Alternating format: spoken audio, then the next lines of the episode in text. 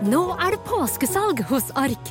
Du får 30% på påskekrim og 40% på alle spill og puslespill.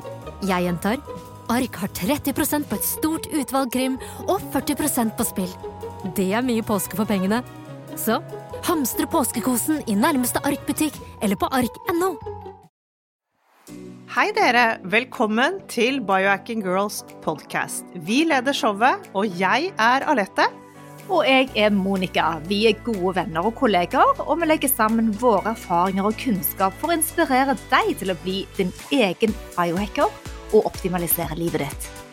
Vi følger med på ny forskning og trender, og stiller de spørsmålene vi mener er nødvendige. Ja, vi deler informasjon om biohacking, life coaching og fitness, og vi håper at du vil føle deg inspirert og klar til å ta et tak for å komme i den beste helsemessige form.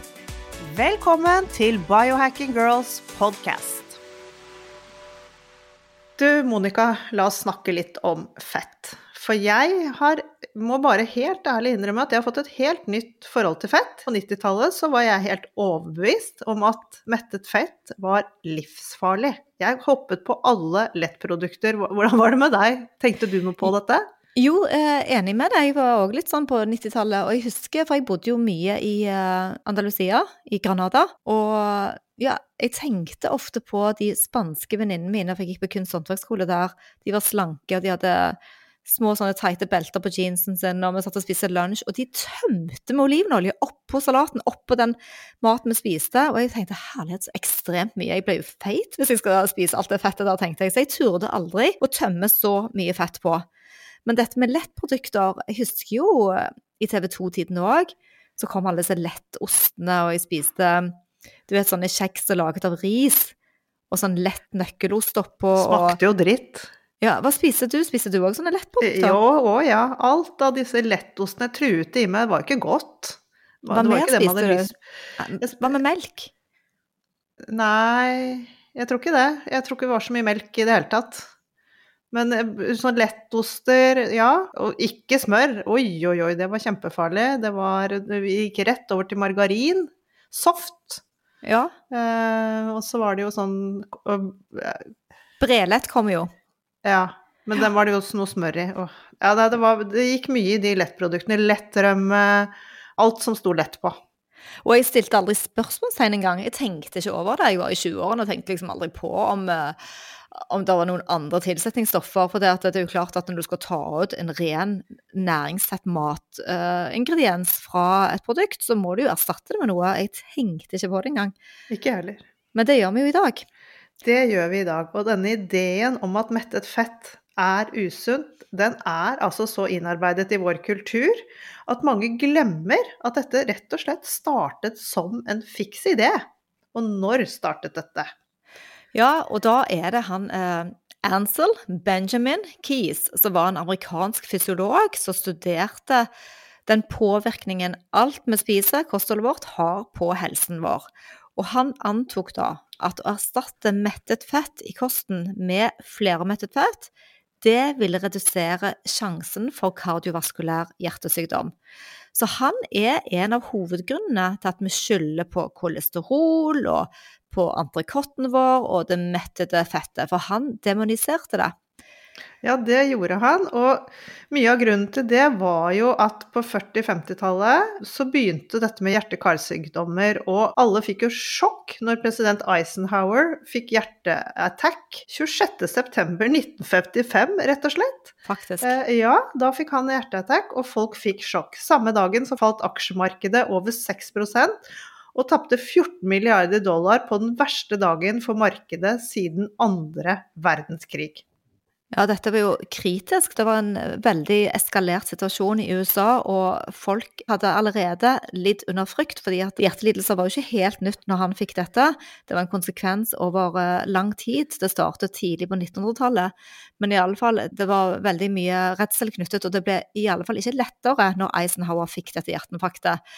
Og da måtte jo han òg lene seg på noen, og han hadde verdens beste leger og rådgivere som han kunne forholde seg til, og Ansel Keys han så jo da sitt snitt til å komme inn og mm. hjelpe til for å liksom oppdra verden. Mm. Da kom Han var biokjemiker, og han sto klar som en sånn ridder i skinnende rustning. Og han, han var jo veldig full of himself, det sier de som var rundt han. Han skrev om de middelaldrende mennene som tilsynelatende var friske, men som falt døde om amerikanerne de trengte rett og slett en løsning på dette hjerteproblemet. Ja, og da var det jo veldig lett å se at han kunne komme som den ridderen han var i skinnende rustning, og bare gjøre den eh, studien som han gjorde, The Seven Country Studies. Og det var vel 53 eh, at han presenterte den hypotesen som linket hjertesykdom til fett i kostholdet. Mm. Og siden den dagen der, så har da vi vært redde for å spise fett. Og vi har til mange ukule produkter, lettprodukter som vi snakket om, og andre mm. erstatninger for mat. Mm. Vi har sultet oss, og vi har vært redde. Jepp. Både amerikanerne, men jeg vil legge til at vi også har fulgt Keys råd, råd, selv om vi kanskje ikke helt visste at det var han som sto bak. Eh, men problemet er jo dette at eh, kronisk sykdom det bare skjøt i været over hele verden ettersom raffinerte karbohydrater og kreftfremkallende flermettet fett det erstattet det mettede fettet i kosten vår. Ja, og så må vi jo stille spørsmålstegn hvorfor man påpeker da at mat og mettet fett og sånn, som vi alltid har spist, vi har jo spist dette lenge før hjertelidelser ble et stort problem fra 1900-tallet oppover. Hvorfor er det plutselig blitt eh, Det har jo ikke skjedd noen endringer på hvorfor skulle plutselig det bli et problem? Men eh, det har blitt mer ut, utbredt, og ikke bare hjertelidelser, men òg eh, fedme og overvekt og diabetes og autoimmune sykdommer. Ja, det har jo rett og slett e- eksplodert etter at Ansel Keys kom med sine, sine, hypoteser om at det var det mettede fettets skyld. Vi erstattet kostholdet vårt med et høyt sukkerinntak, vi prosesserte maten mer, og det ble manglende trening, og antifett-trenden den er jo fortsatt veldig aktuell i dag. Og, jeg tror det, og Du merker det særlig på generasjonene over oss, at uh, de kanskje lider enda mer uh, av, av, av, dette. Mm. Men uh, så er det noen da som er old school og tenker litt mer intuitivt. Intuisjon i matveien er faktisk ikke så dumt når man skal komme tilbake til å finne næring til kostholdet vårt. USDA har ikke gjort noe for å fjerne skaden som Ansel Keys har eh, påvirket så mange mennesker med sin hypotese. Og i 2010 så ga USDA ut sine oppdaterte retningslinjer, og der anbefaler de fremdeles 45% av kaloriene fra karbohydrater. Og minimalt med animalsk og mettet fett. Ja. Og eh, bare for å komme tilbake til denne voldsomme studien som han drev med, da. Det var jo en sånn middelhavs han var med, i landene rundt Middelhavet. Han begynte med 22 land som han skulle undersøke eh, hvordan, hvordan, ting sto til i forhold til hva de spiste. Og så viser det seg at han bare tok bort alle de landene som ikke passet i hans hypotese, og satt igjen med syv land. Og innen de syv landene så var det faktisk noen av, land, eh, noen av stedene hvor han, hvor han, var inne og studerte de mens de var i faste, og da spiser de jo ikke, for de er religiøse disse her. Så det, var, det er så mye feil og mangler ved disse studiene som han bare dekket fullstendig over. Helt klart, Han kom jo opp med denne teorien, og, og, det var jo først kolesterol som var skyldig for koronar- og hjertesykdom, og fant ut at arterieplakk inneholder kolesterol. Og siden animalsk fett òg inneholder kolesterol, så hevdet han da at kolesterol må jo være årsaken til hjertesykdom. Så han brukte da hele 50-tallet på å prøve å bevise denne teorien sin, men så endte han opp med å finne ut at uansett hvor mye kolesterol han matet disse i testgruppen sin, frivillig da, så var nivået i blodet uendra. Han glemte kanskje å se på de andre faktorene eh, på testgruppen sin. For at noen jobbet i gruver, noen jobbet andre steder. De var storrøykere, flere. Mange spiste sukker og veldig mye carbs, mye korn. Og en del av disse tingene var, var frityrstekte, men han skyldte alt på mettet fett. Mm. Han var, han var, rett og slett veldig selektiv, og så var han en sånn type som klarte å få alle til å, å høre på han. Så han, han, bare trumfet gjennom, han var selvsikker, og, ja, og dermed så satt vi der. Men så så har vi hun godeste Nina Teicholtz. Hennes bok som, den har vært ute lenge nå, 'Big Fat Surprise'. Hun er journalist, og hun skulle jo da Fikk beskjed om å gå litt inn i materien og finne ut hva all denne hjerte-karsykdommen eh, Hva det kom av. Og hun kom jo da over disse studiene til Ansel Keys og gikk skikkelig i dybden på, på de, og altså de bunket så det ljomet etter, og gjorde om hvert fall sitt eget kosthold over da, natten, når hun skjønte hvor, hvor, viktig dette mettede fettet faktisk er. Ja, hun dokumenterer jo òg over de kanskje 60 siste årene hvordan den lavfettede helseplanen, matplanen, har ødelagt så mye. Og det er et, egentlig et ukontrollert eh, eksperiment på hele verden. Det har jo aldri vært én studie som har påvirket og endret kostholdet vårt så mye som Angel Keys. Nei. Så hun deler dette opp uh, og ser på hver og en av detaljene i hans uh, studio. Det er virkelig verdt å lese den boken. Vi kan legge en link uh, mm. under. Men det er veldig misinformasjon om fett, om mettet fett. Mm. Ja. Det er helt utrolig at vi, vi klarte å bli så eh, hjernevasket. Og også, det var jo ikke bare han heller, men så kom jo da eh, alt dette med hele legemiddelindustrien inn. Og det er jo et pengemarked uten sidestykke i statiner, og det må vi ikke glemme. Så det er veldig mange som har veldig store fordeler av at dette blir dysset ned, og at vi ikke snakker om det. Så det er mange sider av denne saken. Ja, så Big Pharma. Så hva sitter vi igjen med da? Eh, nå er vi i 2023.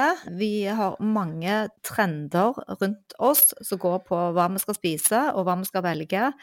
Vi jobber med flere matforskere, bl.a. dr. Bill Schindler, som vi skal ha tilbake igjen for å snakke litt om dette, så vi får de siste oppdateringene. Og det tror jeg er veldig viktig, at vi dokumenterer det som er skjedd, og det som ligger bak oss, og det vi står oppi akkurat nå. Men hva med morgendagen? Mm. Hvordan skal vi forholde oss til alle mattankene fremover? Mm. Ja, selv så tror jeg jo det at vi må, vi må, gjøre det litt enklere. Vi må gå litt sånn tilbake i tid og ikke og se hvordan har vi overlevd i, i, i generasjoner. Og sånn som eh, Jeg liker jo veldig godt Bill Schindlers matfilosofi. Å prøve å leve på den måten. Vi må kutte ut ultraprosessert mat. Det, det gir oss ingenting. Vi blir syke. Vi må spise råvarer. Og så når du ser på den historikken rundt eh, tiden da, på begynnelsen av 1900-tallet, når man begynte å prosessere oljer, vegetabilske oljer, disse oljene som var ment til å brukes i uh, bilproduksjon, tilsatte de med parfyme og smak og farge, for å, de var jo sorte for å få de ja, rapsolje. Hvis man ser alt det som skjedde med, med, industrien der, sett i lys av at hjertelidelser bare økte og etter hvert eh, flere sykdomstilfeller tok fart, mm. så, så, er det helt klart at det, å gå tilbake igjen til hvordan levde den naturlige kroppen, mm. hva er den fysiologiske, biologiske evnen til kroppen? Og hva resonnerer det, det samme som vi snakker om syntetisk medisin eller eh, bioidentiske hormoner eller naturlige supplementer? Hva kjenner kroppen igjen? Mm. Så det er mange, mange, fine teorier rundt dette. Men i alle fall, hva er vårt råd til dere som sitter der hjemme? Ja, det er igjen Spis naturlig mat, og så kjenn på din egen kropp. Hvordan føler du deg? Spiser du noe du ikke føler deg godt av, så har du antageligvis ikke godt av det.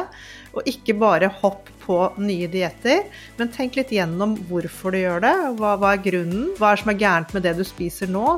Tenk litt gjennom ting. Ikke bare det, Vi blir så bombardert av ekstremt mye dietter, som du sier. Det er så mange ting og sterke stemmer.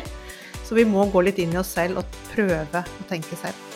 Og hvis du da ikke evner å kjenne etter, så har du for mye stress i kroppen. Så da må du kanskje begynne der. Håper dere har en fin uke.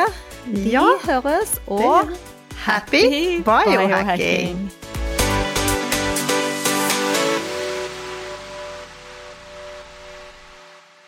Vi minner om at dere må snakke med egen lege eller kostholdsveileder om dietter og andre spørsmål relatert til medisiner og supplementer. Informasjon vi deler kan ikke bli brukt til å diagnostisere, behandle, forebygge eller kurere noen sykdommer eller tilstander.